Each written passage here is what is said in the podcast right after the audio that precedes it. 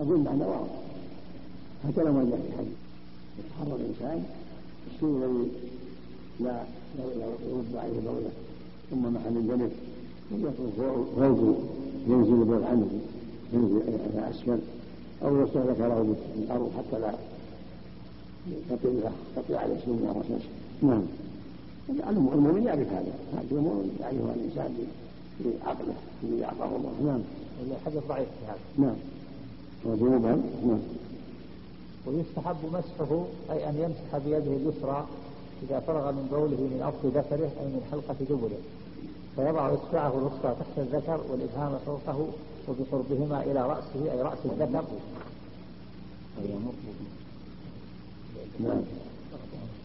ويمر بهما إلى رأسه أي رأس الذكر ثلاثا لئلا يبقى من البول فيه شيء. هذا هو ضعيف الصواب لا يستحب. بل يكره لأنه يسبب السلس والحديث والحديث الوارد في ذلك من حديث سيد الزاد ضعيف. لا لا صحة له لأن عيسى مجهول وأبوه مجهول كما نبه عليه الحافظ وإسناده واهي قد راجعناه كل كل رواياته ضعيف كل أسناده ضعيف المقصود أن هذا من من أسباب السلس ولكن لا يعجل حتى ينقطع البول وينقطع فهم إذا انقطع استجمع يمكن تيسر استجمع ينجب الله والحمد لله نعم. أما مسحه ثلاثا ونثره كل هذا يسبب زيادة البول والسلس ويستحب نثره بالمثنات ثلاثا أي نثر ذكره ثلاثا ليستخرج بقية البول منه.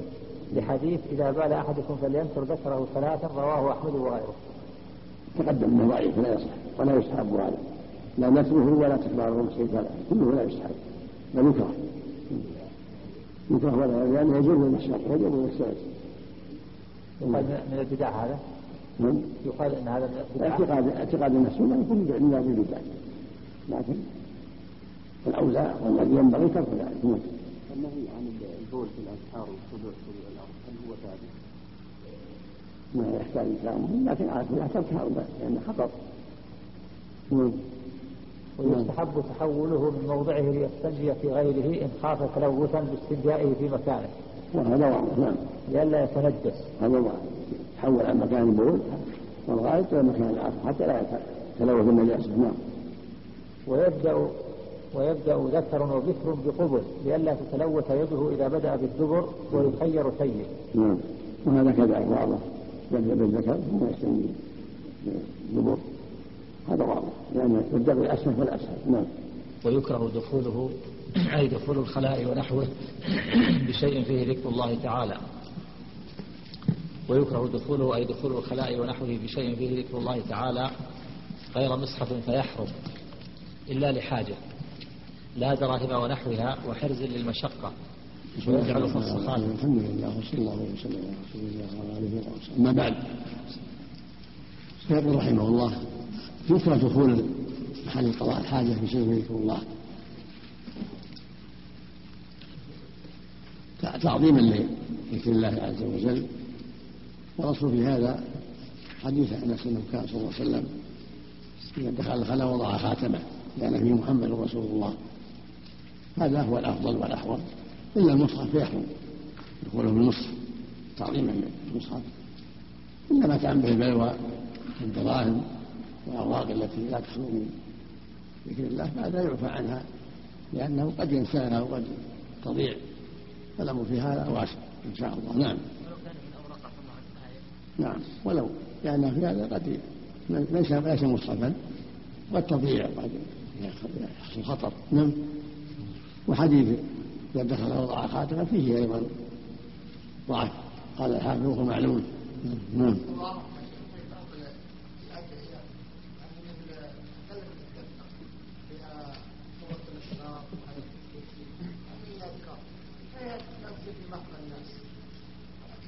يعفى إن شاء الله. يعفى إن شاء الله. نعم. للضرورة. نعم.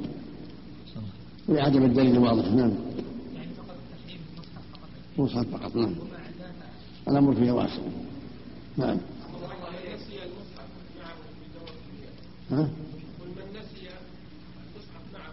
لا حرج. ربنا لا تؤاخذنا إن نسينا أو كان ضرورة معنى ما كان يحط فيه. نعم. حديث إيش؟ له طرق كثيرة يشد بعضها بعضا. نعم. بعض أهل العلم رآها واجبة بعضهم رآها مستحبة والأقرب الوجوب مع الذكر. لأن لأنها متعددة الطرق يشد بعضها بعضا كما قال حافظ بن كثير رحمه الله وجماعة وقال آخرون كلها ضعيفة. قال أحمد رحمه الله لا يثبت في هذا الباب شيء. فإذا احتاط الإنسان وسمى هذا هو الأحوط. أقل شيء السنية أقل أقل ما يقال في ذلك الاستحباب. نعم. أقل ما يقال في ذلك الاستحباب. نعم. غير مصحف فيحرم إلا لحاجة. نعم. لا دراهم ونحوها وحرز للمشقة. نعم. ويجعل فص خاتم احتاج للدخول به بباطل. نعم. قوله وحرز الحرز هذا لا يجوز. الفروج منكر لا تجوز. الفروج لا يجوز. إنما هذا على قول من سهل في ذلك والصواب أن الفروج مطلقه لا تجوز. من اطلق من القرآن أو غير القرآن. يعم الأدلة في تحريم التمائم. فلا فلا يلوم اما ما يكون من الدراهم وأشباهها والأوراق التي يبتلى بها الإنسان فالأمر لا حرج إن شاء الله. نعم. ويجعل فص خاتم احتاج للدخول به. في باطن الكف يمنع من لا يباشر فصل النجاسة. نعم. في الدبر. كان في خاتم فيه ذكر الله يجعل في يمنى أو يخلعه حتى لا يباشر به فصل النجاسة. نعم. هذا إذا احتاج يعني. نعم. تقيد بالحاجة. إذا احتاج ولا يخلعه ولا يجعله في اليمنى. نعم. ويكره تكامل رفع ثوبه قبل دنوه أي قربه من الأرض بلا حاجة. يكره المبالغة في رفع الثوب. قبل دنوه من الأرض لأنه قد يراه أحد. فيه كشف العورة بدون موجب. يكون رفع الثوب عند قربه من الأرض. نعم.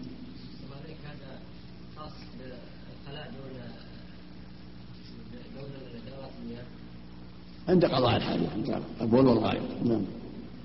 نعم. فيرفع شيئا فشيئا. نعم.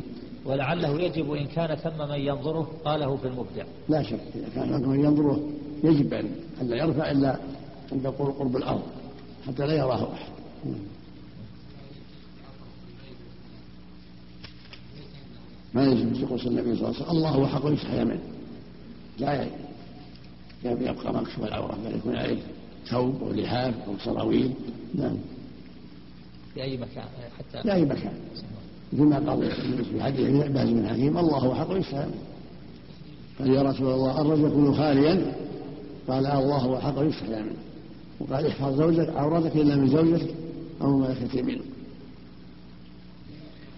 للتحريم نعم. للتكامل رفع الثوب. نعم. أحسن الله تكامل رفع الثوب في دورة المياه على حسب الحاجة على حسب الحاجة يراعي يراعي في ذلك ألا ينال ثوبه شيء. وألا يرى عورته أحد المرأة كذلك. نعم. والمرأة كذلك. نعم.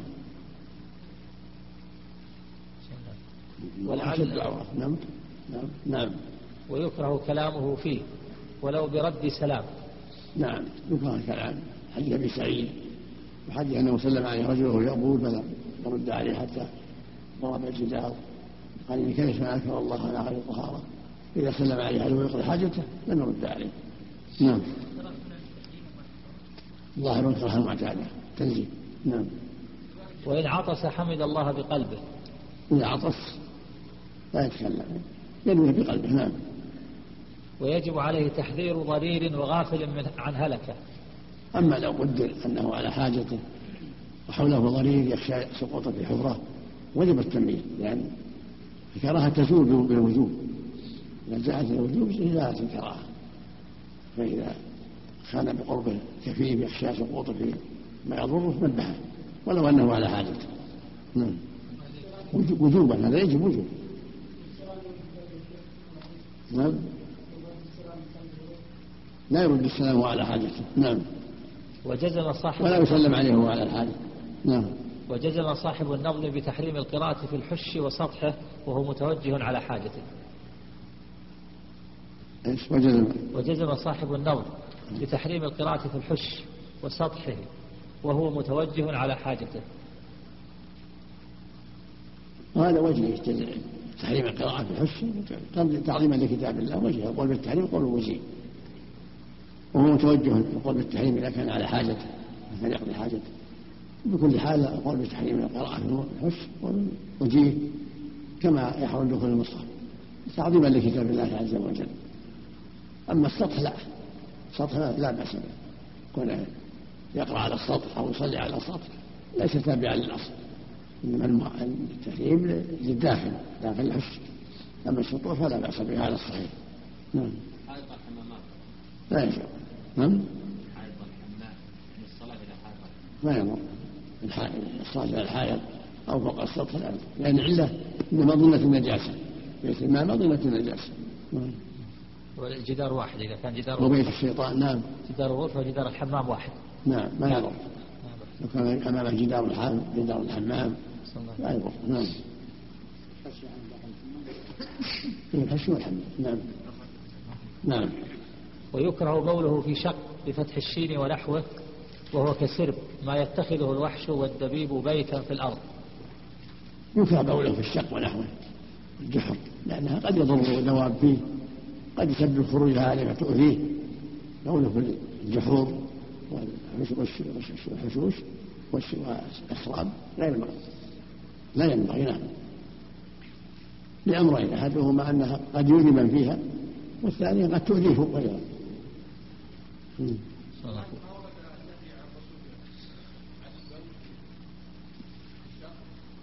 يروى عن النبي لكن ما أعرف صحته نعم. ويكره أيضا بوله في إناء بلا حاجة. نعم.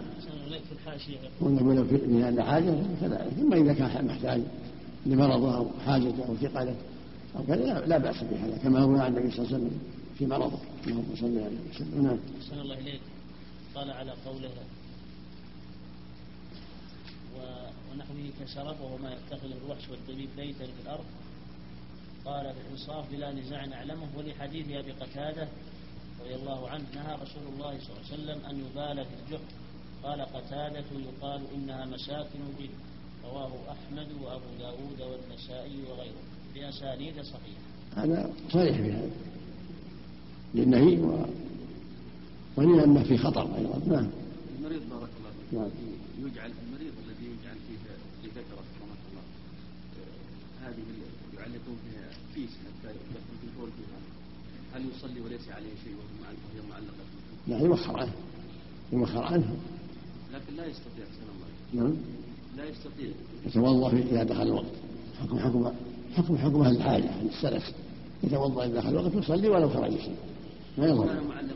ولا ما يضر. إذا توضأ بعد دخول الوقت إذا كان دائما الخروج يعني حدثه دائم وإذا ضبطوه حتى لا يتأذى بثيابه لا بأس.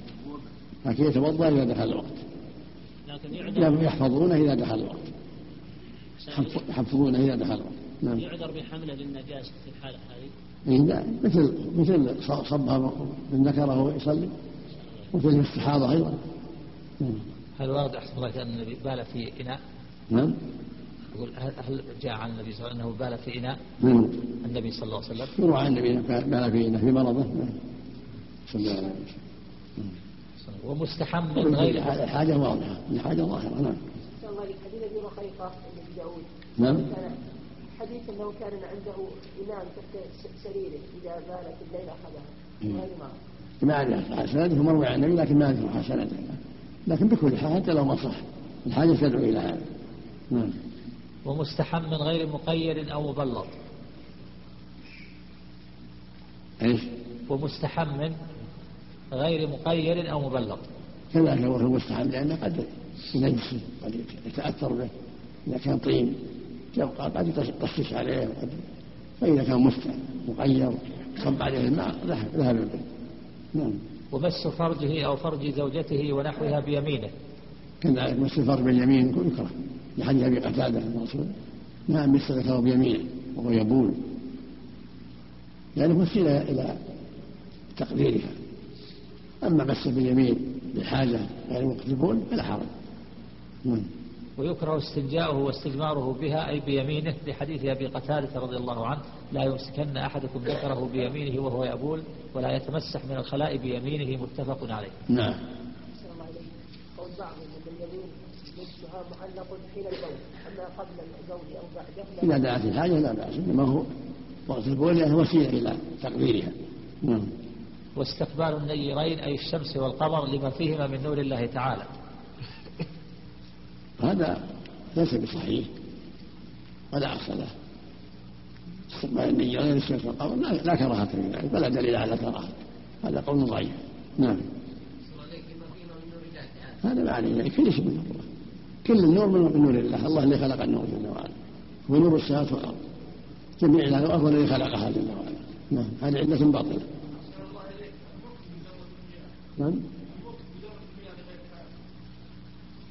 مكروه على كل حال نعم. ويحرم استقبال القبلة ويحرم استقبال القبلة واستدبارها حال قضاء الحاجة في غير بنيان. لخبر أبي أيوب رضي الله عنه مرفوعا إذا أتيتم الغائط فلا تستقبلوا القبلة ولا ولا تستدبروها ولكن شرقوا أو غربوا متفق عليه. هذا يحرم. يحرم استقبال القبلة واستدبارها بقول الغائط. بلا شك. الحديث الصحيح. إذا كان في الصحراء في حديث ابي أيوب ما جاء في معناه. أما في البنيان فلا حرج. في حديث ابن عمر أنه صلى الله عليه وسلم قضى حاجته مستقبل الشام مستقبل الكعبة. نعم. ويكفي انحرافه عن من جهة القبلة. نعم. وحائل. ولو كمؤخرة رحل. يكفي انحرافه عن جهة القبلة. فلا يكون مستقبلا له ولا مستدبر. ويكفي وجود حائل. ولو كمؤخرة الرحل كان يجعل مطيته بينه وبين القبله أو حائط بينه وبين القبلة أو مع شجرة نعم. نعم. وهذا في البرية أحسن الله في الصحراء نعم. مؤخرة الرحل كافر نعم نعم. برية. نعم. أما في البيت فلا كراهة. نعم. شجره حتى لا يستقبل قبلها بغير ولا بول ولا يمين عنها يلها يمينه وشماله هذا طريق السلامة نعم. ولا يعتبر القرب من الحائط نعم. ويكره استقبالها حال الاستنجاء. هذا ليس عليه دليل لكن هذا أو بعض الوجاهة ولا ما علم يعني ليس بقائط ولا بول إنما هو يتنزه. والأمر فيه واسع. تنزه. سواء هو مستقبل قبله أو مستقبل لأن ليس بول ولا غائط إنما هو تنزه. واستنجاء نعم. نعم. الكنيف هو محل قضاء الحال. الكنيف هو محل قضاء الحال. نعم. يعني حال الاستنجاء ما يقال بالكراهة الأمر سهل ما هو- ما هو واضح. نعم. ويحرم لبسه فوق حاجته نعم. لما فيه ويحرم لبسه فوق حاجته لما فيه من كشف العورة بلا حاجة وهو مضر عند الأطباء. يحرم لبسه فوق حاجة بدون حاجة. لما في من كشف العورة ولأنه قد وسيلة إلى يصيب شيء من النجاسة المقصود أنه لبسه فوق حاجته لا حاجة إليه. وكشف عورة بلا موجب فيحرم. لا يحرم التحريم بعد قول احفظ عورتك. إلا من زوجك أو ما كذب. هذا لبس ما له حاجة كشف عورة ما له حاجة.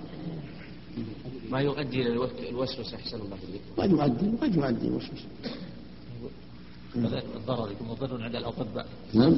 يقول هو مضر عند الأطباء. ربما لعله ربما. قد مضرة لعله يفضي إلى وساوس نعم لعل لعل هذا هو السبب. نعم. ويحرم بوله وتغوطه في طريق مسلوك وظل نافع. يحرم يعني تخبطه أو بوله في الطريق أو ظل نافع أو متسمس في الشتاء لأنه يضر يؤذي الناس. الله والرسول يقول لا ضرر ولا ضرار وكل مسلم على مسلم حرام دمه وماله وعرضه. لا يؤذي إخوانه نعم. ومثله المشمس زمن الشتاء. هذا متشمس نعم. زمن الشتاء لا لا يبول فيه ولا يتعوض لأنه يضر إخوانه. ومتحدث الناس. نعم. وتحت شجرة عليها ثمرة. نعم. لأن قد يفضي إلى تقدير الثمار قد تسقط الثمرة على النجاسة. فيسبب حرمان الناس منها. سواء كان الشجر يقصد للأكل أو غيره لأنه يقدرها نعم وقد روي النهي عن هذا في أحاديث فيها ضعف لكن المعنى واضح. نعم. وكذا في مورد الماء. وهكذا ليس من بول الماء الراكد الغائط أشد نعم. وتغوطه بماء مطلقا نعم. في باب الاستنجاء ثم يستن ويستجمر بحجر فيستجمر بحجر أو نحوه ثم يستنجي بالماء. بفعله صلى الله عليه وسلم رواه أحمد وغيره من حديث عائشة رضي الله عنها وصححه الترمذي. بسم الله الرحمن الرحيم. اللهم صل وسلم. رحمك الله. من شروط الوضوء أن يستنجي؟ بالماء أو بالحجر إذا كان هناك خارج من بول أو غائط يستنجي بالماء وهو أفضل أو بالحجر ويجزي عند جميع أهل العلم. الاستجمار عند أهل العلم يجزي جميعا وحده. وإن جمع بينهما فهو أفضل كما رواه ابن أحمد واحتج به عن عائشة.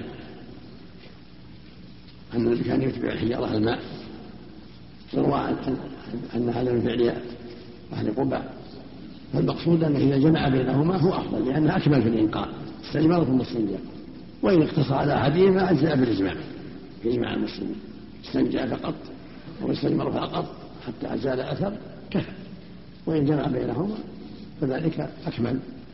نعم.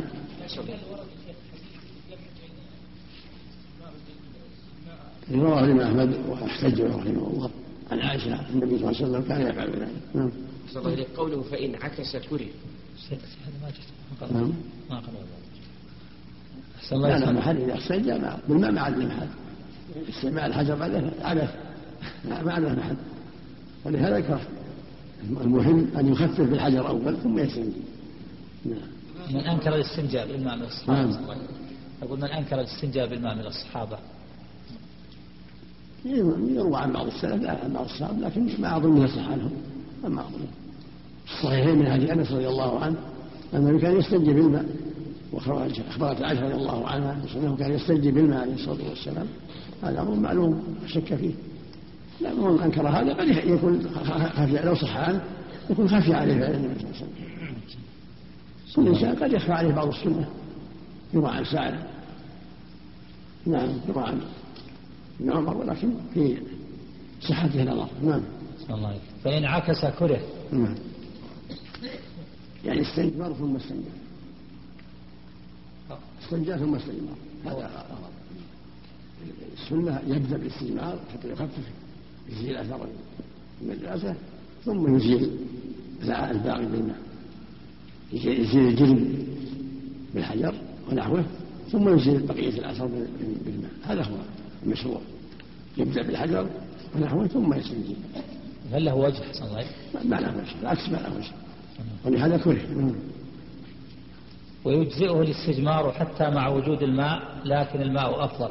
هذا هو الصواب عند الجميع لا خلاف في هذا. يجزيه الاستجمار خلاف ما يظن العامة يجزيه الاستجمار ولو كان موجودا لكن جمع بينهما أفضل. نعم. إن لم يتعدى أن يتجاوز الخارج موضع العادة مثل أن ينتشر الخارج على شيء من الصفحة أو يمتد إلى الحشفة امتدادا غير معتاد فلا يجزئ فيه إلا الماء. إذا امتد الخارج امتدادا خلاف العادة لا بد من الماء. لأن الاستجمار إنما هو في محل الحاجة محل الحلقة. وما حولها ومحل الحشفة وما حولها. فإذا زاد كثيرا فاحشا فلا بد من الماء نعم. الزيادة القليلة ما تؤثر. ما ما ما, ما تضر. نعم. كقبلي الخنث الخنث المشكل ومخرج غير فرج وتنجس في مخرج نعم. بغير خارج. كقبلي الخنثى المشكل. يعني يغسلهما جميعا. نعم. ومخرج غير مفرج غير فرج. يغسله. لأن لأنهما لا لأنه ليس مخرجا حتى يتيمم له بل يزيل النجاسة بالماء. وقبل يكون فأحدهما زائد فلهذا وجب الاستنجاء بالماء لأنه ليس بفرج متيقن والأصل في النجاسات أن تزال بالماء هذا هو الأصل. ولا يكفي الاستجمار إلا في الفرج الأصلي. نعم. وإذا عرف الأصل من من غيره. على كل حال إذا عرف الأصل حكم الأصل. نعم. نعم. أو أو مخرج ومخرج غير فرج. مثل الفرج شد وافتحوا له مخرج في الجنب. يغسل. الفرج الخارج ما يحتاج تيمم ما في تيمم لأنه هو فرج. يقتصر على وارد. نعم. وتنجس مخرج بغير خارج. كذلك تنجس بغير خارج. مثل قاعد. على نجاسة. يغسلها هو باستجمار جالس على نجاسة ما درى عنها جالس على بول أو على غائط أو على غيره من النجاسات. يغسلها. إنما الاستجمار فيما يخرج فقط. ولا يجب غسل نجاسة وجنابة بداخل فرج ثيب. لا يجب إدخال غسل الداخل له حكم الباطل. إنما يغسل الظاهر. ما كان من النجاسات في ظاهر الفرج. أما من داخل فلا فلا حاجة هذا تكلم. نعم. ولا داخل حشرة أقلف غير مفتوق. كذلك هي مفتوق. يغسل ظاهرها فقط. أما إذا كانت مفتوقة يدخلها الماء يغسلها. ويشترط للاستجمار بأحجار ونحوها كخشب وخرق أن يكون ما يستجمر به طاهرا مباحا منقيا غير عظم وروث. يكون منقي ما كان. الحجارة واللبن خشب يكون خشونة يحصل به إزالة الأذى ويكون طاهر إلا العظام والأموات لا لا يستنجي بها. لكن مناديل خشنة خشبة تراب لبن يزيل الأذى. ثلاث مرات فأكثر حتى لا يبقى أثر إلا الأثر الذي لا يزيل إلا الماء. وإذا أنقى بأربعة شرع له يكمل بخامس. إذا أنقى بستة شرع له يكمل بسابع حتى يقطع على وجهه. نعم. طاهرا مباحا منقيا. نعم. اشتراط الإباحة أحسن الله يقول. لو كان حجر الواجب لا لا؟ لا يستعمل إلا مباح ولكن لو ازال بغير مباح. ما يجزى يعني المقصود ازالتها لكن يكون عاصي يتعدى على غيره. لأن التحريم هم لا يجوز رسولها عن ذلك كما في صحيح مسلم. قال إنه مزاد الاخوان في الملكين ولو طاهر ولو مذكر. نعم. نعم.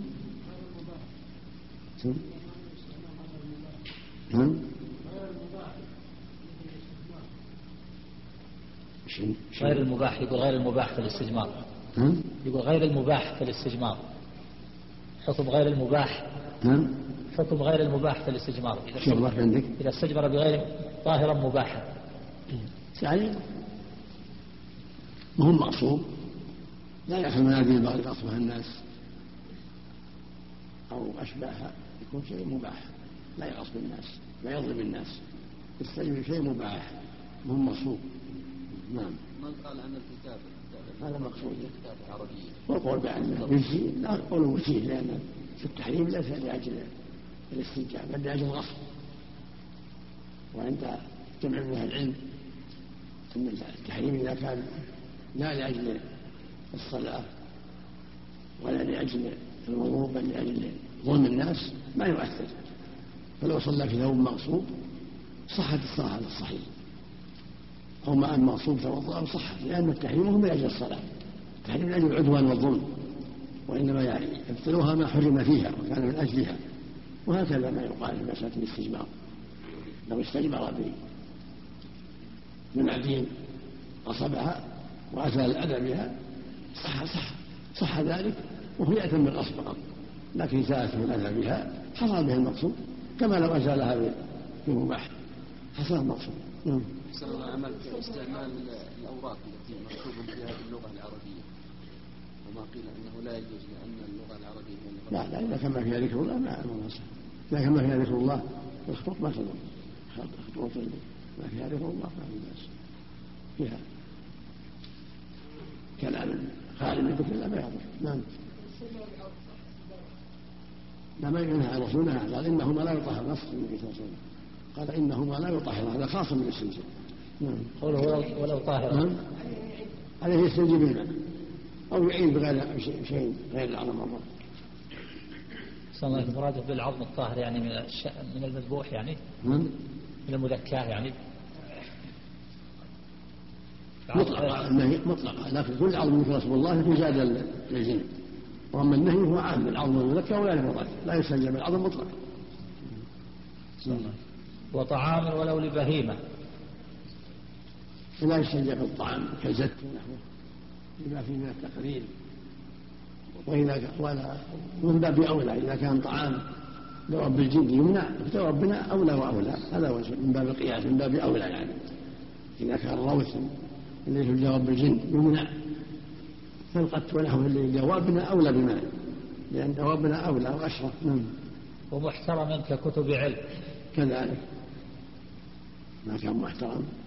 كتب العلم التي فيها قال الله قال الرسول فيها فيها الأحكام الشرعية لا يجب امتحانها والاستجمار بها امتحان شديد. ومتصل أحسن الله إليك قول بعضهم إنه يؤمر بتنظيف العظم مما لوثه به لو استعمل العظم. له وجه. نعم. ذكر في الحاشية عن بعضهم أنه قال آه، يؤمر بتنظيف العظم مما لوثه به. مو بعيد. يعني أخطأ يجزي خطأه حتى يبقى العظم نظيفا للرجل ما هو بعيد. من باب من باب الاستحسان من باب فعل الخير. ما هذا في شيء. نعم. ما هو بلازم نعم. نعم. ومتصل بحيوان كذنب البهيمة يستغفر يتوب إلى الله والحمد لله. نعم. نعم. ومتصل بحيوان كذنب البهيمة وصوفها المتصل بها. كذلك. لا يستجيب بشيء متصل بالحيوان. كعلية الحيوان أو إذن الحيوان. لأن هذا عبث توسيخ إذا كان دواب الجن لا يستعمل دواب يستعمل طعامها فدوابنا وطعامها وأطرافها أولى وأولى نعم. نعم. ولا ولا لا يستعمل. نعم. ويحرم الاستجمار بهذه الأشياء وبجلد سمك. كذلك. جلد السمك له محترم. نعم. أو حيوان مذكى مطلقا. كذلك محترم. أو, نعم. أو حشيش الرطب. لأن علف الدواب. يمنع نعم.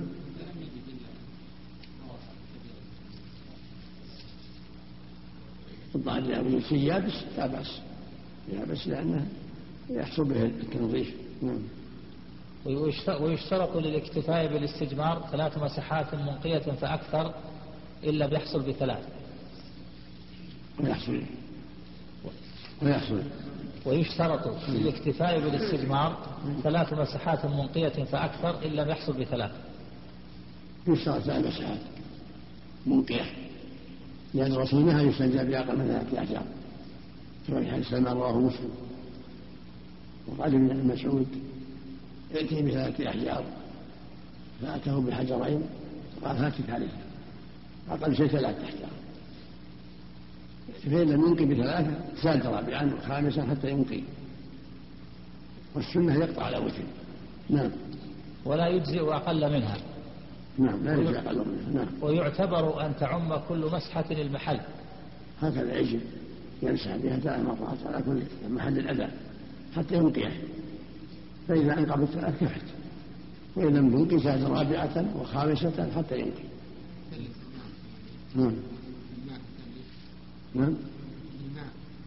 الماء يغسل حتى ينقي. يغسل الماء حتى ما في عدل المغسول يغسل حتى ينقي. نعم. يقول يثلث. ما ما في شيء مخصوص لا يغسل حتى ينقي ثلاث ولا أربعة ولا خمس. نعم. ولو كانت الثلاث بحجر ذي شعب أجزأت إن أنقت. نعم لأن المقصود حاصل. كان حجر مشعب كل طرف يقوم مقام حجر.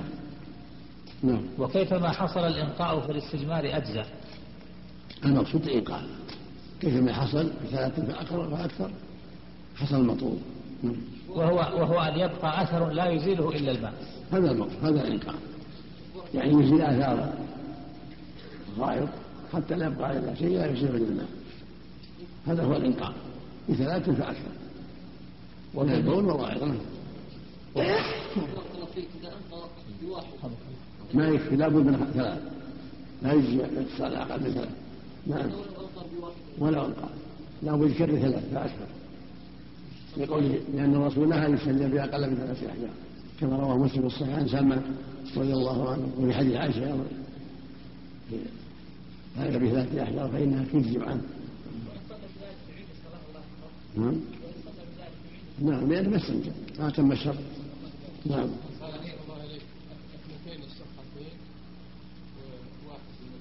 لا كلها كلها واحد واحد يعقب واحد يعم بكل واحد يعم بكل واحد. نعم. وبالماء عود خشونة المحل كما كان. نعم. وبالماء عود خشونة المحل كما كان.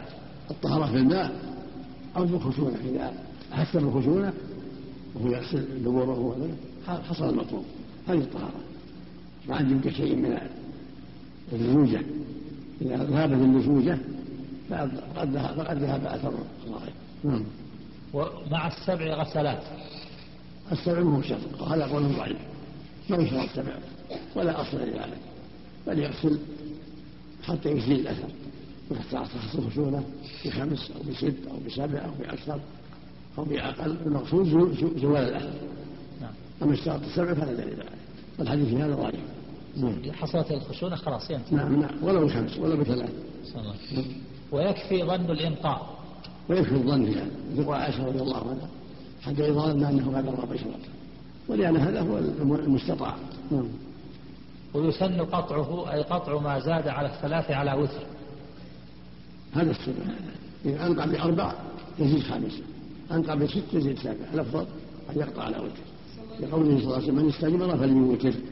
هذا هو الأفضل مستحب نعم. نعم. فإن أنقى برابعة زاد خامسة وهكذا. نعم. ويجب نعم. هو لما فعله قد أحسن ومن لا فلا حرج هذا الصالح. نعم. نعم. ويجب الاستنجاء بماء أو حجر ونحوه لكل خارج من سبيل إذا أراد الصلاة ونحوها إلا الريح والطاهر وغير الباب. استنجى بأقل من ثلاثة أيام يدل على ذلك. ليس دعاء نعم ويجب الاستنجاء بماء أو حجر ونحوه لكل خارج من سبيل إذا أراد الصلاة ونحوها. يجب الاستنجاء بكل خارج. إلا الريح. إذا أراد الصلاة أو الطواف أو مس المصحف من بول أو غائط. مثل ما تقدم. إلا الريح نفسها فلا يستنجى لها. نعم. إلا الريح والطاهرة وغير الملوث. الريح لا يستنجى لها والطاهر كالمني والمغير الملوث من بعض يابس. هذا قول جماعة من العلم. والأكثرون على أن يستنجي مطلقا لكل خارج إلا الريح وهذا معنى كلام الموفق في المتن والزاد كذا المتن قال إن الريح ولم يستثني غيرها. وظاهر كلام المولي والفروع عند الأكثر كل خارج سنجابة إلا الريح فقط. وقال بعضهم إذا كان الخارج منيا وهو طاهر أو بعضا يابسا لا أثر له لا يجب استنجابه ولكن في الغالب أن خروج المني ونحوه خروج البعض لا بد يكون معه رطوبة. في الغالب فالحاصل أن الاستنجاب هو الذي رآه الجمهور وهو أولى والأحوط حتى من الطاهر واليابس. إلا الريح فقط. من يستنجي من كل شيء إلا الريح هذا هو الأحوط وهو الأقرب من النصوص. نعم. يعني المني المني وكذا يعني نعم. المني ما على هذا ما يستنجيه. على القول نعم. على قول الشارح المني ما يحتاج استنجاء. لا هذا واستظهرت الفروع أيضا ولكن ظاهر عموم ظاهر كلام الجمهور العموم. كل خارج سنجارة إلا الريح. نعم. الله إليك. بعضهم يقول قول الجمهور ليس عليه دليل من لدن النبي صلى الله عليه وسلم. نعم. كل خارج من السبيلين يجب نعم. يستنجي كل خارج إلا الريح نعم. لكن يقول ليس عليه كل خارج قد يخرج بعض الأشياء ليست نجسة. الأصل آه الأصل ما خرج من السبيلين يجب الاستنجاء هذا هو الأصل. المؤمن يحتاط دينه ويبتعد عن الخلاف. من باب الاحتياط؟ نعم. أو الأخذ بالخيطة والعموم نعم. ولا يصح قبله أي قبل الاستنجاء بماء أو حجر ونحوه وضوء ولا تيمم. لحديث المقداد المتفق عليه يغسل ذكره ثم يتوضأ. لا يصح قبله وضوء ولا تيمم. لأن الرسول لما سأله علي عن المذي قال يغسل ذكره ثم يتوضأ. فالاستنجاء مقدم ثم الوضوء بعده نعم. جاء هذا وهذا. يغسل ذكرك وتوضأ يغسل ذكره ويتوضأ. ثم يتوضأ. جاء هذا وهذا. نعم. أحسن الله إليك. لو نسي ثم توضأ ثم تذكر. أحسن نعم. أقول لو نسي أحسن الله ظاهر الأدلة أنه يعيد الوضوء لأن شرط الوضوء أن يتقدمه الاستنجاء نعم. الشرط أحسن الله مأخوذ من كلمة نعم. ثم أقول نعم. الشرط. الشرط هذا مأخوذ من كلمة ثم. من فعل من فعل النبي صلى الله عليه وسلم ومن قول ثم. فعل النبي صلى الله عليه وسلم كان يستنجي ثم يتوضأ. هكذا هكذا جاءت الأحاديث. وهو الأسوة عليه الصلاة والسلام. كان صلوا كما رأيتم نصلي وهكذا نتوضأ كما رأينا يتوضأ. فهو صلى الله عليه وسلم يستنجي أول ثم يتوضأ. كما رواه الصحابة رضي الله. منهم المغيرة وغير المغيرة أنس وغير أنس. يستنجي ثم يتوضأ وفي حديث علي يغسل ذكره ويتوضأ في بعض الألفاظ يغسل ذكره ثم يتوضأ. نعم. الله إليه قال في الحاشية على لفظ يغسل ذكره ثم يتوضأ هذا لفظ النسائي. وقال الحافظ منقطع ولفظ مسلم يغسل ذكره ويتوضأ. ولأحمد وأبي داود نحوه. ولفظ البخاري توضأ. واغسل ذكرك. قال الحافظ ووقع في العمدة نسبة ذلك إلى البخاري بالعكس وفي لفظ لمسلم اغسل ذكرك وتوضأ. وفي بعض الروايات توضأ وانضح فرجك. والواو لا تقتضي الترتيب بل بل لمطلق الجمع على المشهور. لماذا والعمدة على فعل النبي صلى الله عليه وسلم. هذه رواية يغسل ذكره ثم يتوضأ مؤيدة للأصل. الأصل هو الاستنجاء ثم الوضوء. والنبي صلى الله عليه وسلم علم الناس بفعله وقوله عليه الصلاة والسلام. نعم.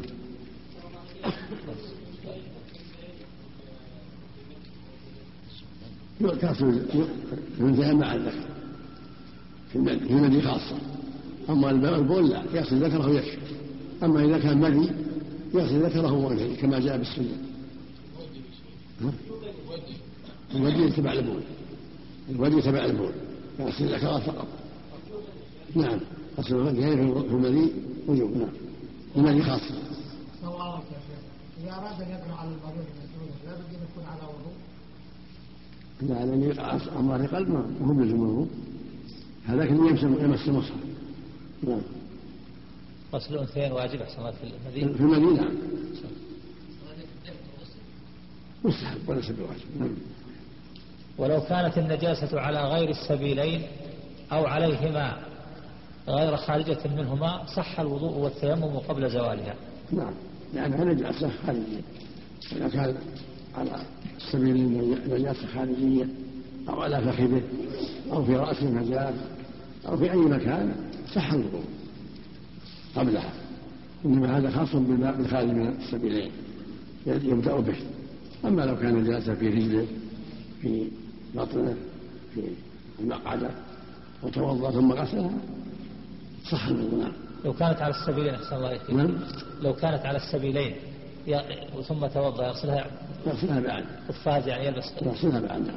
يضع على يده قفاز يغسل خرقة قفاز المقصود هو رحايا الله عنك على هذا لو وقع عليه نجاسة لا يقال يجب أن يبادر إلى غسلها نعم على هذا لو وقع على رجله مثلا نجاسة لا يقال يجب أن يبادر إلى غسلها ما في دليل على الفورية ما في ما أعلم دليل على الفورية ولهذا الإنسان قد يصيبه الملي ونحو ذلك ثم يتأخر في استنجاعه وهو نجاسة صارت الإنسان في الأنثيين ما أصابها شيء لكن يغسل ذكره وأنثيين. المقصود أن البدار لئلا يعرق شيء يكون حسن إن شاء الله. البدار إذا كان ما فيه خطر لو تأخر ما يضر. نعم. ترك الوضوء أحسن الله إليك. من الجنابة حتى يسلم. ترك الوضوء من الجنابة حتى السنة يتوضأ قبل هذه السنة. توضأ ثم لما سأل عمر قال توضأ ثم نام. السنة يتوضأ ثم ينام. هذا هو. وأما الوجوب محل نظر نعم. ينام ومس معه يغسل ذكره ويتوضأ ثم ينام عليه الصلاة والسلام. نعم. شيخ بارك الله فيك. يقول أما حديث وأن السماء علوا بأن في رواية أبي إسحاق ومدلس رحمه الله. نعم. شيخ بارك الله فيك. يقول في الحاشية عن إذا كان الخارج ظاهرا أو غير ملون يقول لأن الاستنجاء إنما شرع لإزالة النجاسة ولا نجاسة هنا. فاستمر الفروع وصف وقال كيف يستنجي أو يستنجي من الطاهر؟ وهذا من أشكل ما يكون المشهور أنه يستنجي. الفروع قال وقعين لا يستنجي من لابس طهر قال وهو أظهر. من هذه العلة من أجل هذه العلة. ولكن هنا يستنجي أخذا بالعموم وعملا بالقول الأكثر أحوط لأن قد يكون معه رطوبة قد يكون معه يابس رطوبة قد يكون معه الطاهر شيء من باب الاحتياط. نعم. في الفروع استظهر عدم نعم. استظهر عدم الاستنجاء في الفروع؟ فروع استظهر القول بعدم الاستنجاء. كالريح نعم.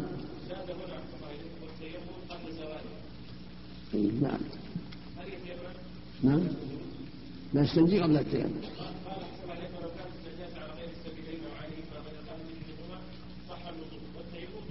لا هذا صحيح.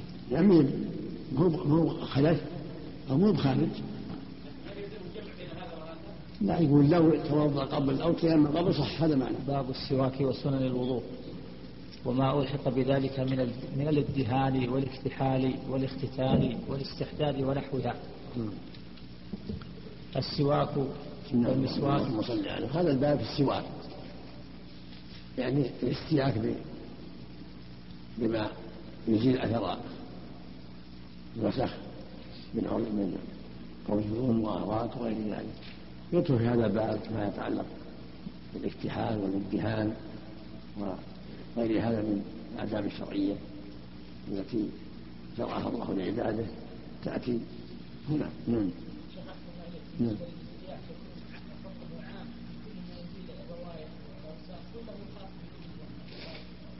لا مو بعد. مو بعد. خاص بعد الأراك ما تيسر. مما يحصل به المطلوب. لكن الأراك إذا تيسر أولاها نعم. نعم. نعم. إذا تيسر ما يحصل به المطلوب. من عود الأراك هو طيب ومزيل الأذى ورائحته طيبة.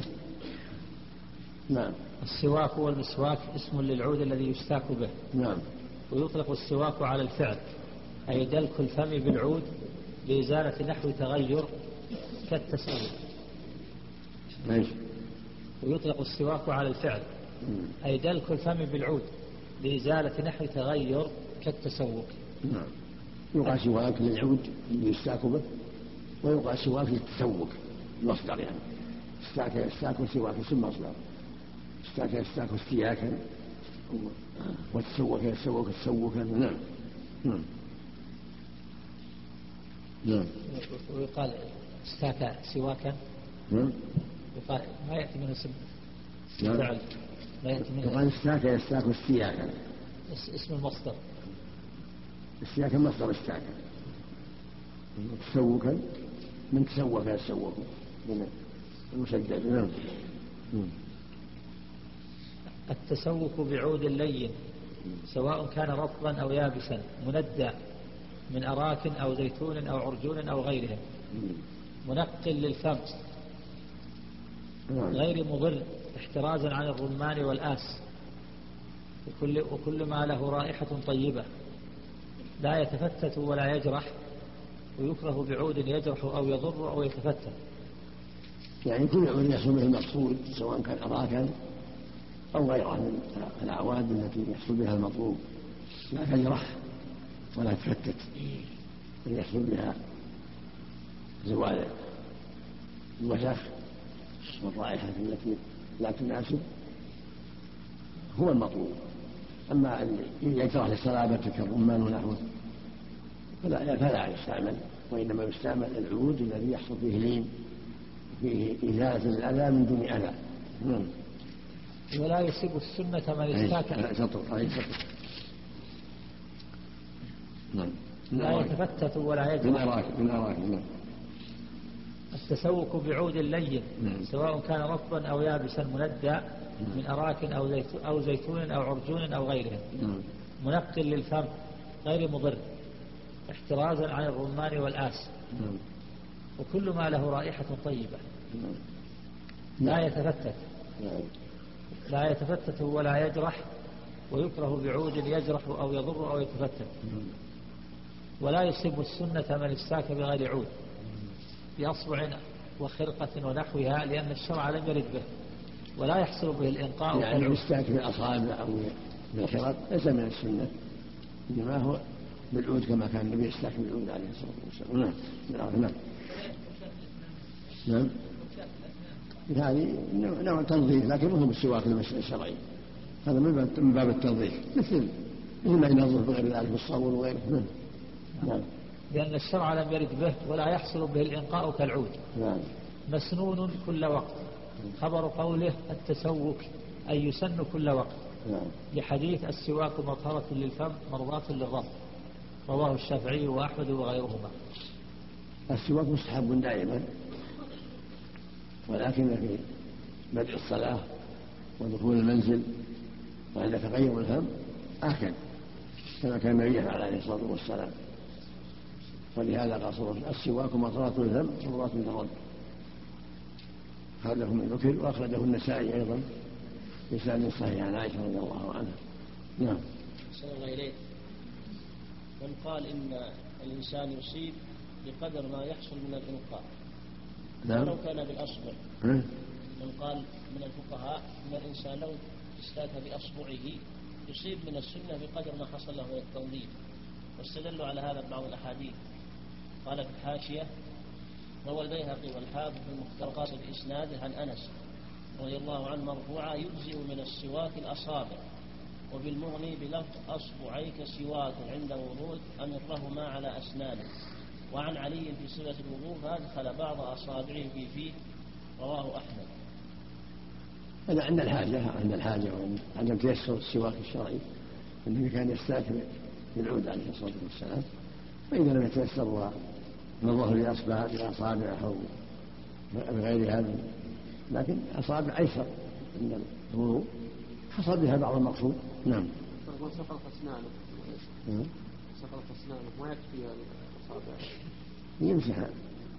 اللثة اللثة إذا تيسر العود فهو أولى. نعم. نعم. نعم. مع المضمضة نعم. نعم. سنة. نعم. في الله. نعم. في حاشية العنقري قوله ولا يصب السنة والصحيح أنه يصيب من السنة بقدر ما يحصل من الإنقاء نعم. تقريب. هذا معروف. وذكر في الوجيز يجزئ بالأصبع واستدل له بحديث يجزئ في السواك الأصبع. رواه البيهقي عن أنس رضي الله عنه مرفوعا.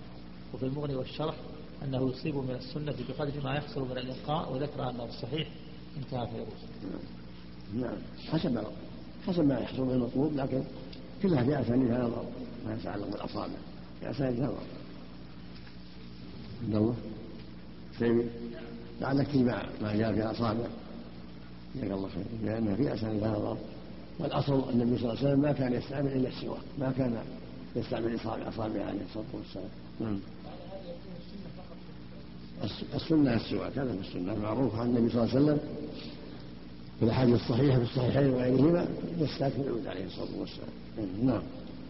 لغير الصائم مثل ما يروى يعني إذا لم يتيسر هذا حسن عند عدم التيسر في بعض الشيء يحصل في بعض المطلوب ولا سيما عند عند الوضوء لأن معه معه الماء.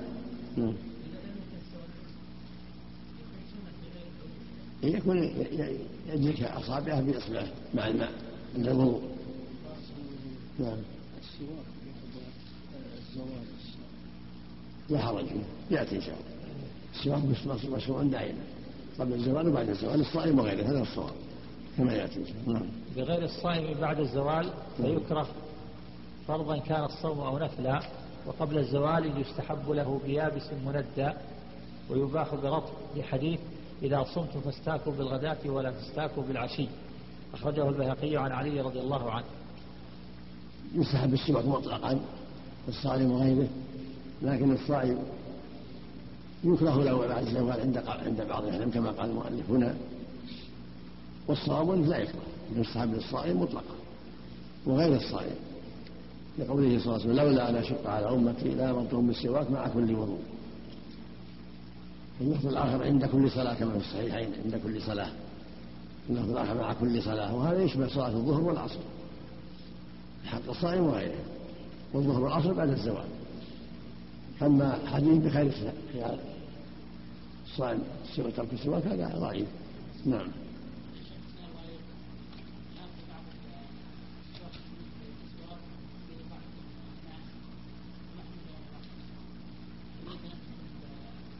ما يضر ما يضر لكن النكهة ما تضر. نعم. نعم.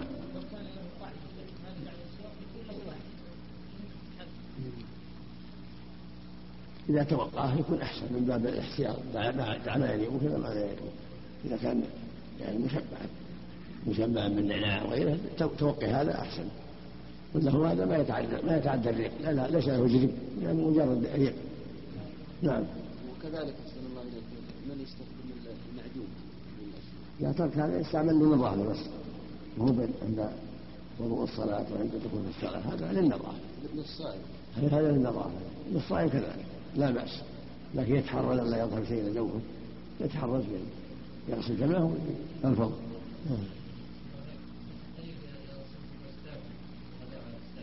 ضعيف نعم. نعم. متأكد خبر ثاني للتسوق. نعم. متأكد نعم. خبر ثاني للتسوق. نعم. عند الصلاة فرضا كانت أو نفلا. متأكد عند الصلاة السواك متأكد عند الصلاة فرضا أو نفلا؟ لأن النبي كان يعتاد صلى الله عليه وسلم. في النافلة والفريضة عليه الصلاة والسلام. نعم. وعند انتباه من نوم ليل أو نهار.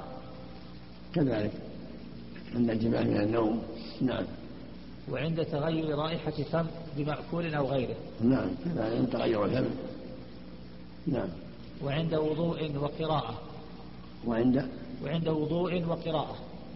وعند وضوء؟ وقراءة. قراءة. نعم. كذلك. وعند دخول المنزل أيضا كما كان في حديث عائشة رضي الله عنها.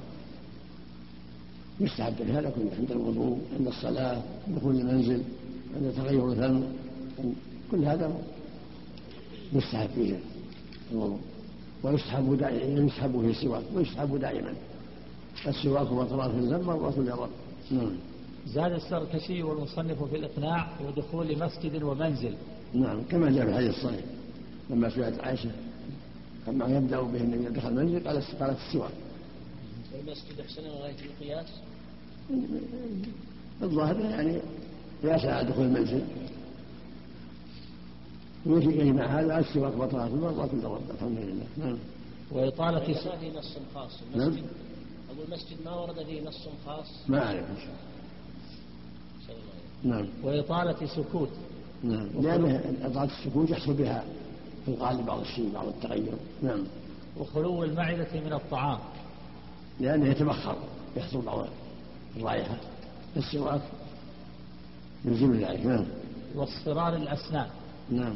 ويستاك عرضا استحبابا بالنسبة إلى الأسنان. نعم. بيده اليسرى على أسنانه هكذا هكذا مو هكذا هكذا. يبدأ بالشق الأيمن إلى الأيسر الحديث كان يرجو التيمم حتى عائشة. التيمم في تنعله وترجله وطهوره وفي شأنه وفي سواكه وفي شأنه كله. نعم. هكذا. لأن كذا قد يؤذي ويجرح نعم. نعم. ولأنه ما يحصل التيامن نعم. قبل السواك باليسرى أو باليمين اليسرى. لأن إزالة لأن إزالة. ويبدأ بالشق الأيمن. هكذا يبدأ من الأيمن إلى الأيسر لكن سنة اليسرى لأن من باب الإزالة. يعني سنة. نعم من باب الإزالة. نعم. ويستاك عرضا استحبابا بالنسبة إلى الأسنان بيده اليسرى على أسنانه ولثته ولسانه. نعم. ويغسل السواك ولا بأس أن يستاك به اثنان فأكثر إيش؟ أسنان وأسنان بعد؟ ويستاك عرضا استحبابا بالنسبة إلى إلى الأسنان. بيده نعم. اليسرى على أسنانه ولثته نعم. ولثته على أسنانه ولثته ولسانه. ويغسل السواك. إيش؟ ويغسل السواك. نعم.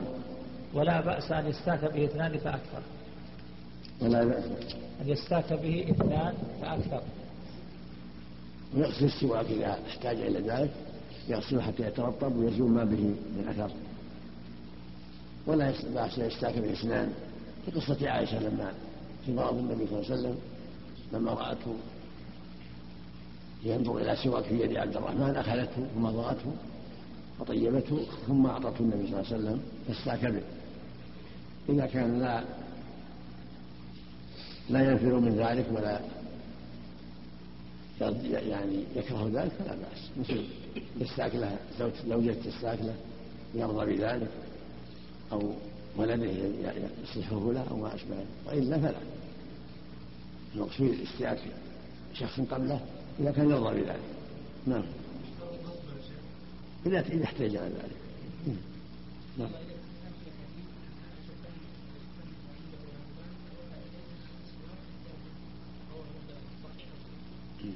كبر كبر. نعم. في الحديث الصحيح نعم. كبر كبر. فأعطاه أكبر أراد يعطيه الأصغر يكبر فأعطاه الأكبر نعم. نعم. قال في الرعاية ويقول إذا استاك ويقول إذا استاك اللهم طهر قلبي ومحص ذنوبي.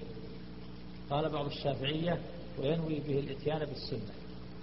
أما هذا الدعاء فلا له أصل لكن كون ينوي السنة هذا أمر مطلوب في كل شيء. كل ما جاءت السنة ينوي اتباع السنة هذا حق. وأما هذا الدعاء فلا فلا أساس له. يدعو الإنسان بما أحب نعم. نعم. لكن إذا قالها لا على أنه سنة نعم. إذا دعا بهذا الدعاء. لا لا لا على اعتقاد أنه سنة. إذا دعا يدعو ما أحب. باليسار ويبدأ بالشق الايمن كان يعجب التيمم في تنعله وترجله وسواكه وطهوره وشأنه كله. هكذا. من الشق الأيمن وهو من اليد اليسار. لأن اليسار للإزالة للأذى وكل ما ما هو مفضول بكل اليسار على حاشة سماك بيده اليسرى يقول فائدة والأفضل بيده اليسرى قال أبو العباس ما علمت إماما خلف فيه سوى الجد. فإنه قال الساك باليمنى. لحديث عائشة رضي الله عنها كان رسول الله صلى الله عليه وسلم يعجبه التيمم في تنعله وترجله وفي شأنه كله. صواب مثل ما قال أبو العباس. فوق أهل العلم من اليسار يعني من باب الإزالة. حديث عائشة يتنعله وترجله وطهوره وسواكه يعني يتيمم وهو معناه بيده اليمنى معناه بشقه الايمن مثل في وضوءه يبدأ بالشق بيد اليمنى في طهوره يبدأ بيده اليمنى في رجليه يبدأ باليمنى والنعل يبدأ بالرجل اليمنى هذا معناه معنى في السواك يبدأ بالشق الايمن نعم. وضع السواك على طرف ما يضر هذا ما يضر. نعم. مبتدئا بجانب فمه الأيمن. نعم هذا معنى التيمم نعم. فتسن البداءة بالأيمن في سواك وطهور وشأنه كله غير ما يستقدر. كما جاء كما في حديث عائشة رضي الله عنها في الصحيحين. قال كان النبي يعجبه التيمم في تنعله وترجله وطهوره وفي شأنه كله. جاء في بعض الروايات وسواكه. نعم. هذا ثابت. قال عليه فلا بأس حديث ابي موسى. لكن المقصود من هذا يمكن للراحة أو شيء نعم. ويدهن استحبابا غبا يوما بعد يوم. أي يوما يدهن ويوما لا يدهن. لأنه صلى الله عليه وسلم نهى عن الترجل إلا غبا. رواه الترمذي والنسائي وصححه. والترجيل تسريح الشعر ودهنه. لحديث أربع من سنن المرسلين الحناء والتعطر والسواك والنكاح. هذا هو الأفضل. يدهن غبا إلا إذا دعت الحاجة إلى غير كما في حديث قتادة. وإذا السنة إذا كان له رأس رجله ويدهنه غبا حتى لا يتساعد هذه أربع من المرسلين الصواب فيها الحياء بدل الحنة الحياء والنكاح. الحنة تصحيف والصواب الحياء والنكاح نعم والسواك والتعطر نعم. حتى لا يتساعد الرأس. لا يتساعد. ينتفش. نعم. نعم. ثابت أحسن الله نعم. الحديث ثابت؟ لا بأس به هذا لا جيد لا حسن لا بأس به. لكن صححه بعضهم الحنة بدل الحياة. نعم موجود على حاشية ما عندكم على حاشية حاشية ما ما عندك عليه؟ ما ذكر عليه شيء. قياس معلق؟ حديث غير موجود في النسخة صادقة في النسخة ها؟ أحسن الله إليك. قال في على قوله ويسن نظر بمرآة وتطيب أي ويسن تطيب لحديث أبي أيوب مرفوعا. أربع من سنن المرسلين الحياء والتعطر والسواك لحديث إيش؟ قول. ويسن تطيب لحديث أبي أيوب رضي الله عنه مرفوعا. أربع من سنن المرسلين الحياء والتعطر والسواك والنكاح رواه أحمد. وعن أنس أنه قال حبب إلي البنيات والنساء والطيب. وجعلت قرة عيني في الصلاة. رواه أحمد والنسائي والحاكم وغيره. بس. آخر كلامه عن عن الموضوع هذا. مع زهد أحمد؟ نعم. بلى قال رواه الإمام أحمد. عزل الا لحمه فقط. اي نعم نعم. نعم. نعم. نعم. له له رواه جماعة فلا بأس به. نعم. له شواهد كثيرة. نعم. نعم. نعم. ما أتذكر لكن الذي يذكر فيها أنه لا بأس به من جهة تعدد الطرق. ولكن يراجع يراجع أحسن. أحدكم يجمع الطرق مهم إذا التزم الأخ عبد الله لكن هو بالعزم من جمع جزاه الله خير. هذه قاعدة. كل حديث من يطلب جمعه لا يتقيد بواحد نعم حسب التيسير. نعم نعم نعم. ويكتحل في كل عين وترا ثلاثا. نعم. بالإثم المطيب كل ليلة قبل أن ينام. نعم. لفعله عليه الصلاة والسلام رواه أحمد وغيره. الاجتهاد كذلك. سنة لما فيه من مصلحة العين. ولا سيما بالإثم. فإنه أثنى عليه النبي صلى الله عليه وسلم قال عليكم بالإثم. فإنه يزن البصر وينبت الشعر. فإذا اجتهد بالإثم هو حسن كما فعله النبي صلى الله عليه وسلم. في كل عين ثلاثة أيام وترى نعم. ما ما ما أذكر له وصف. أقول ما أذكر له وصف. نعم. السيد ينفع العين ولا طيب. لكن الإثم طيب. في كل ليلة. نعم. هذه كل ليلة. كل ليلة. إذا تيسر نعم. نعم.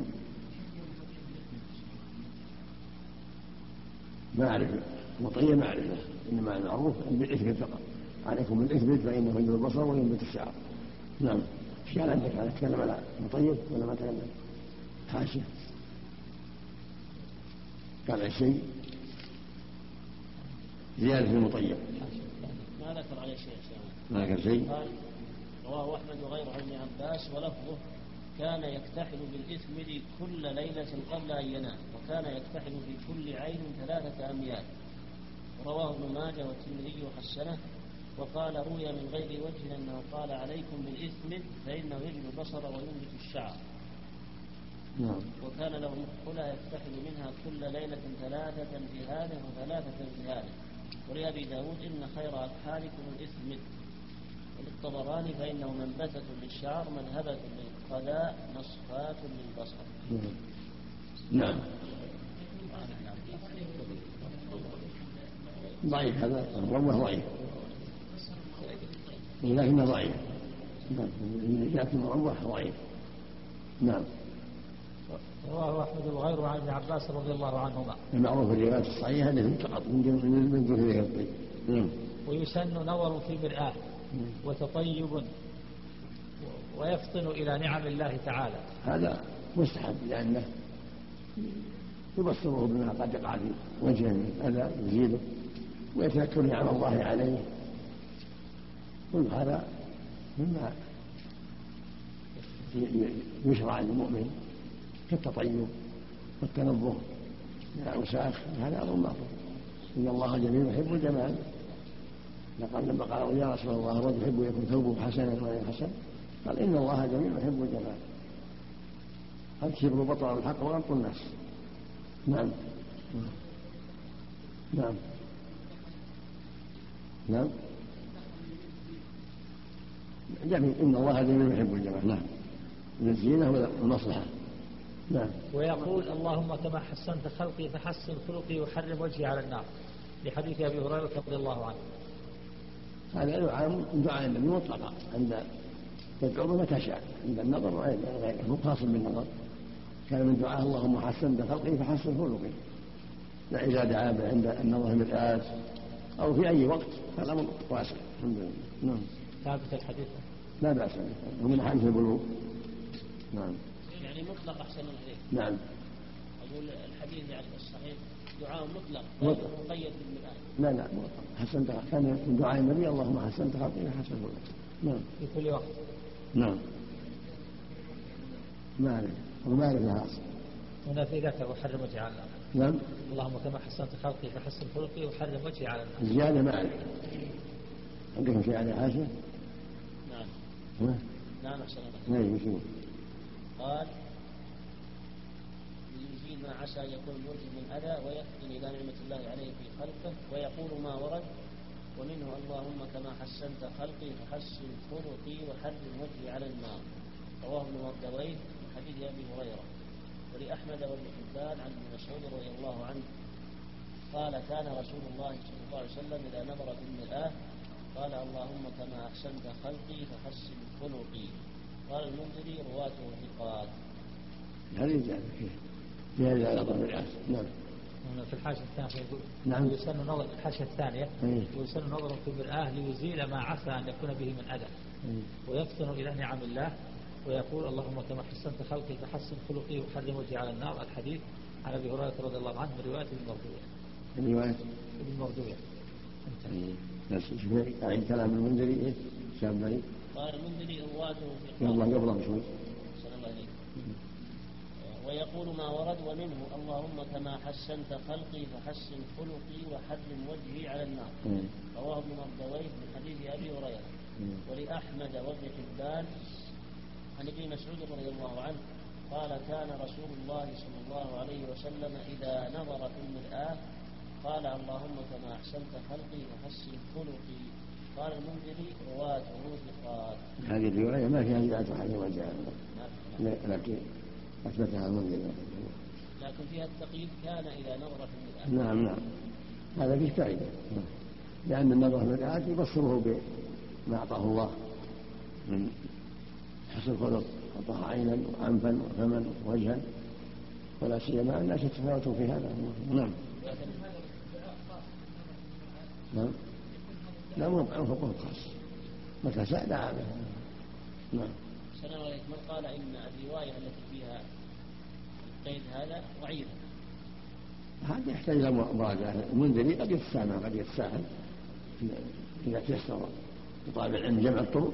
أ- أ- انفع اطيب والامر واسع في هذا عند مرآة أو في أي مكان الحمد لله. رحمك الله. إذا تيسر جمعه لعلك تجمع الله جمعتها معك الحين لا عندي. إن شاء الله. نعم. وتجب التسمية في الوضوء مع الذكر أن يقول بسم الله لا يقوم غيرها مقامها. لخبر أبي هريرة رضي الله عنه مرفوعا لا صلاة لمن لا وضوء له ولا وضوء لمن لم يذكر اسم الله عليه رواه أحمد وغيره. وتسقط مع السهو وكذا غسل وتيمم. تجب التسمية مع الذكر. وهكذا عند التيمم والغسل في حديث المكروه لا وضوء لم يذكر اسم الله عليه قال أحمد رحمه الله إن لا يثبت في هذا الباب شيء ولهذا عند الجمهور مستحب لا يجب تسميه مستحبه عند الأكثر لأن الحديث ضعيف. وقال ابن خزي رحمه الله في التفسير إنه حسن لغيره من باب الحسن لغيره بكثرة طرقه. فالأحوط أن يسمي سنه يسمي عند الوضوء بسم الله. عند بدء الوضوء وإذا ذكر في أثناءه سمى في أثناءه والذي عليه الجمهور هو السنية فقط الوجوب فيه نظر. لكن يؤمن المؤمن يستحب له يعتني بهذا ليخرج من الخلاف.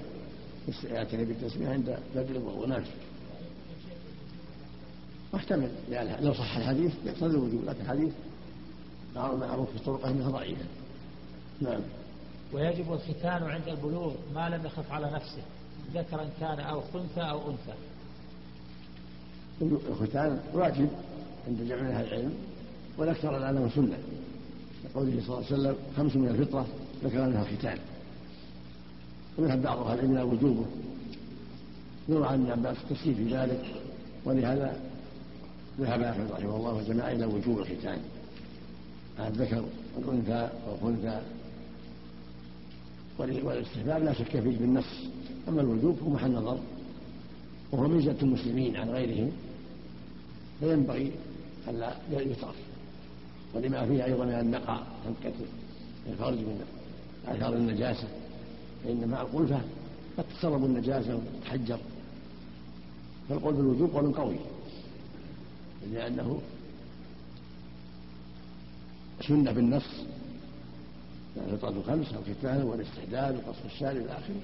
ولما أن فيه بعد عن مشابهة المشركين الذين لا يختنون رحمك الله نعم. أحسن الله عليك من فرق بين الرجال فقال يجب عليهم والنساء سنة. لهم لهن. محل نظر. ولكن لا بأس. الأصل السنية هذا هو الأصل. الفرقة خمس جعلها النبي صلى الله عليه وسلم مع الاستعداد وقص الشارع وقلب الظهور ونفس الإرض فالأصل فيه السنية والتأكد. وفيها أيضا مخالفة المشركين وبعد عن مشابهتهم نعم. الجمهور على السنية أحسن الله نعم. والإناث قد قد لا يتيسر من يحسن ختانهن فيضرهن. فإذا تيسر من يحسن ختانهن فهو مهم. للعموم لعموم الأدلة نعم. واجب في حق نعم. حق النساء واجب؟ مثل ما سمعت الجمهور على السنية فقط. يعني الجميع. يعني السنة حق الجميع ولكن قول بالوجوب قول قوي في حق الرجال. أما النساء فهو محل نظر.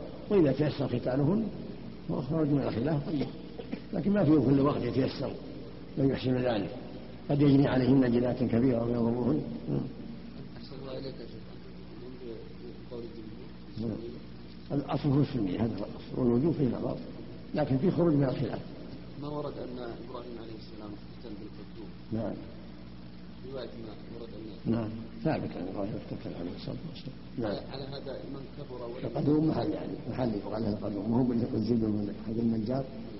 محل يقال له القدوم نعم. لكن لكن أحسن عليك من من كبر سنه ولم يختنه أباه؟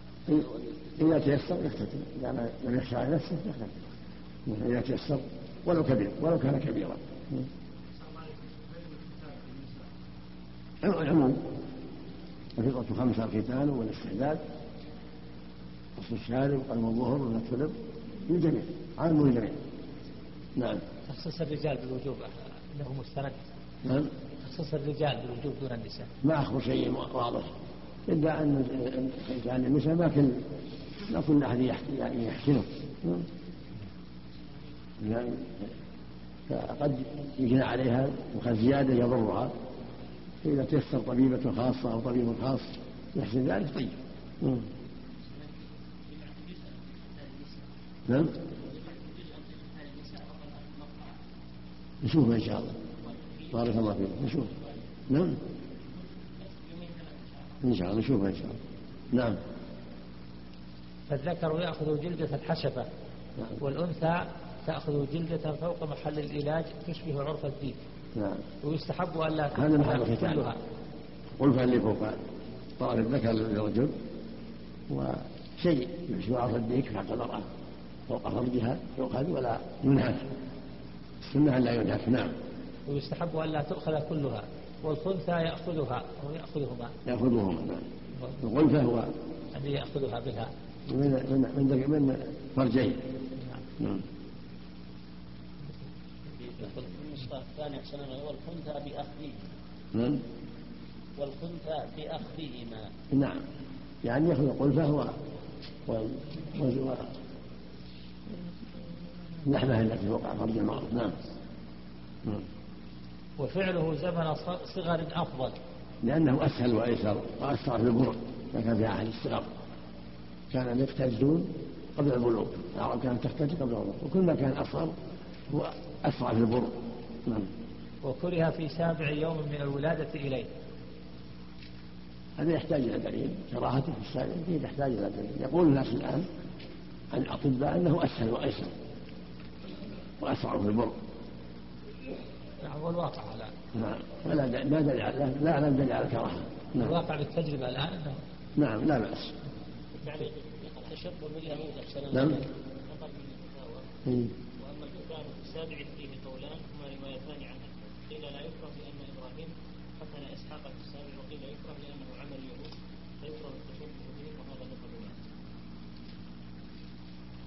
الأصل عدم الكراهة. يعمل ما هو الأصلح ما هو أصلح للمختون نعم.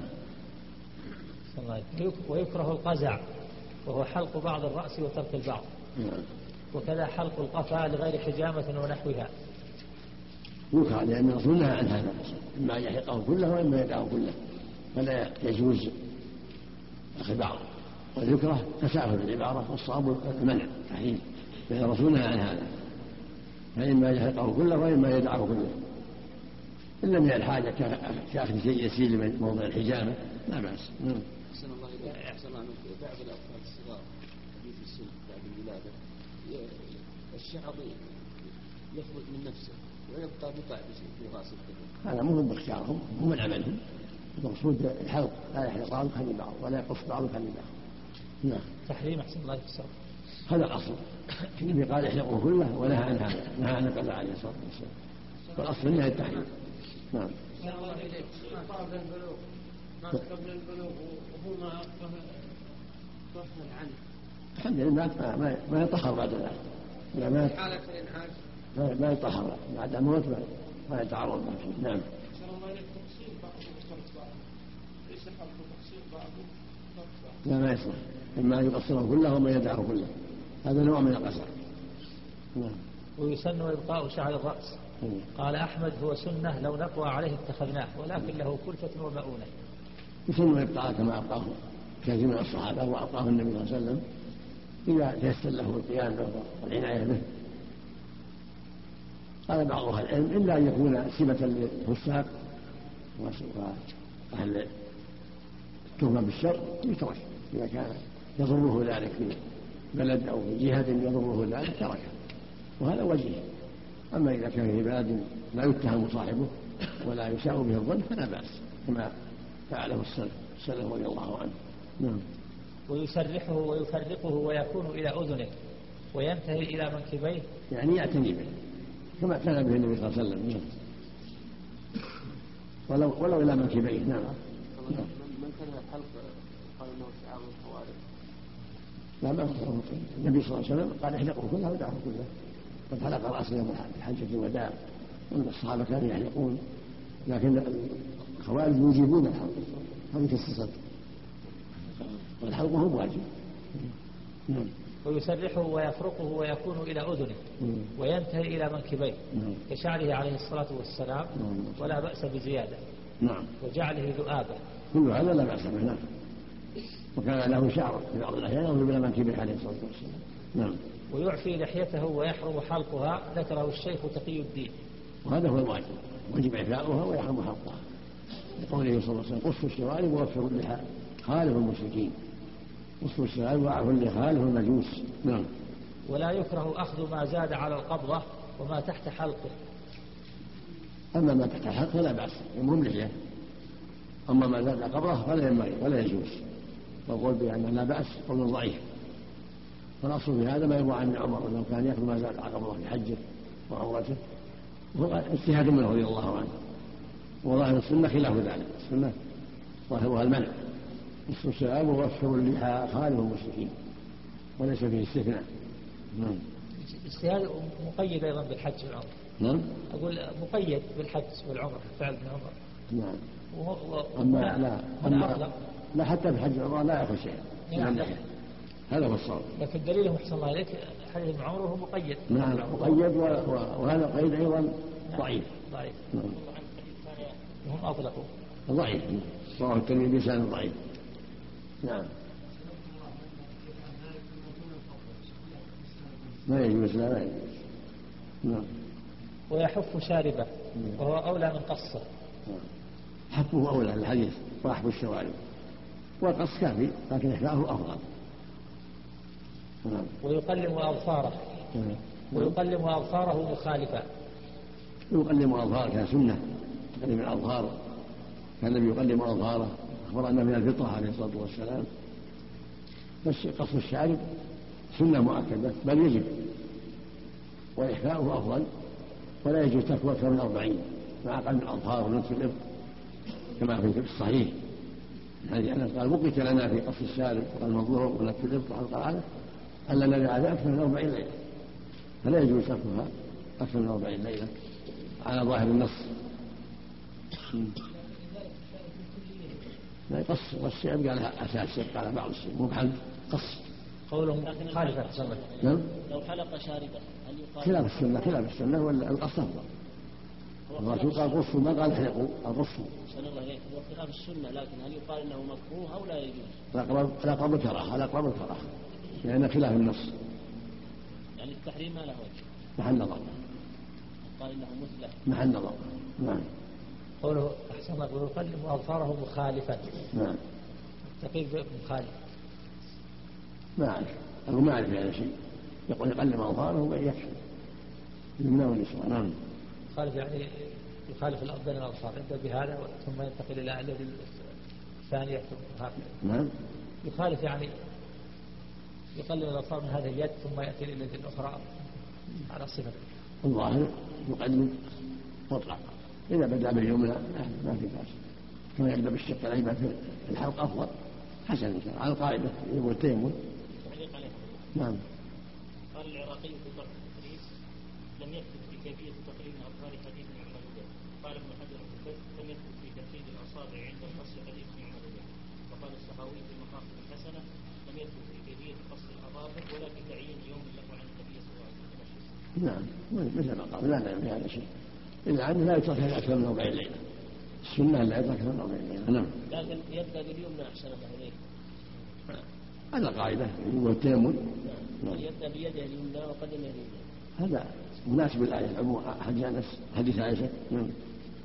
وينتف إبطيه ويحلق عانته. نعم. وله إزالتها بما شاء والتنوير فعله أحمد رحمه الله في العورة وغيرها. يحلق العانة ويزالها وإذا أزالها من غير الحلق لا بأس. المقصود إزالتها. نعم. ويدفن ما يزيله من شعره وظفره ونحوه. الأمر في هذا واسع. دفنه أو ألقاه. الأمر في هذا واسع. نعم. ويفعله كل أسبوع يوم الجمعة قبل الزواج نعم. ولا يتركه فوق أربعين يوما. وأما الشارب ففي كل جمعة. وإيش ويفعل وإيش؟ ويفعله كل أسبوع يوم الجمعة قبل الزواج يعني من نتف الإبط الحرف هذا العام يحتاج إلى دليل يحتاج إلى دليل لا أعلم فيه دليلا هذا الشيء عنده. الأمر في هذا واسع. قال لما روى البغوي عن عبد الله بن عمرو رضي الله عنهما أن النبي صلى الله عليه وسلم كان يأخذ اظفاره وشاربه كل جمعة. بس. نعم. ولا تكلم عن سند نعم. طيب. عام كلامه في الأظهار لا بهذا من أشياء قال لم يكن في كيفيه قص الاواخر ولا في تعيين يوم له عن النبي يا أمه يا أمه المقصود أنه لم يثبت مثل ما قال الصحابة في تعيين اليوم ولا في تعيين مخالفة. نعم. لكن التيمم عليه والتوجه التيمم لا بأس. إذا بدأ باليمنى نعم. لكن أحسن الله قال ويفعله كل أسبوع بعد قوله وينتف إبطيه ويحلق عانته. ثم قال ويفعله كل أسبوع. حلق العانة بعد. لا لا لعل قص الشعر وقد الظهور قد مع أن ما قد لا يتيسر هذا لأن الأسبوع قليل. قد لا يطول فيها الشعر ولا يطول فيها الظهر ولهذا وقت له النبي أربعين عليه الصلاة والسلام. نعم نعم. وقت ما دام لا لا أصل له يكفي هذا والحمد لله. متى؟ أزاله حصل المقبول. ويفعله كل أسبوع يوم الجمعة قبل الزوال ولا يتركه فوق أربعين يوما. نعم. وأما الشارب ففي كل جمعة الح- الحكم واحد. في أصل الشاي قام الظهور ولا تسلم حقها لا يترك من أكثر من أربعين ليلة أما كونه في بعد شهر 35 يوم في عند نهاية الأربعين هذا مواصل. نعم. ومن سنن الوضوء السواك. البركة واتقى الله جميعا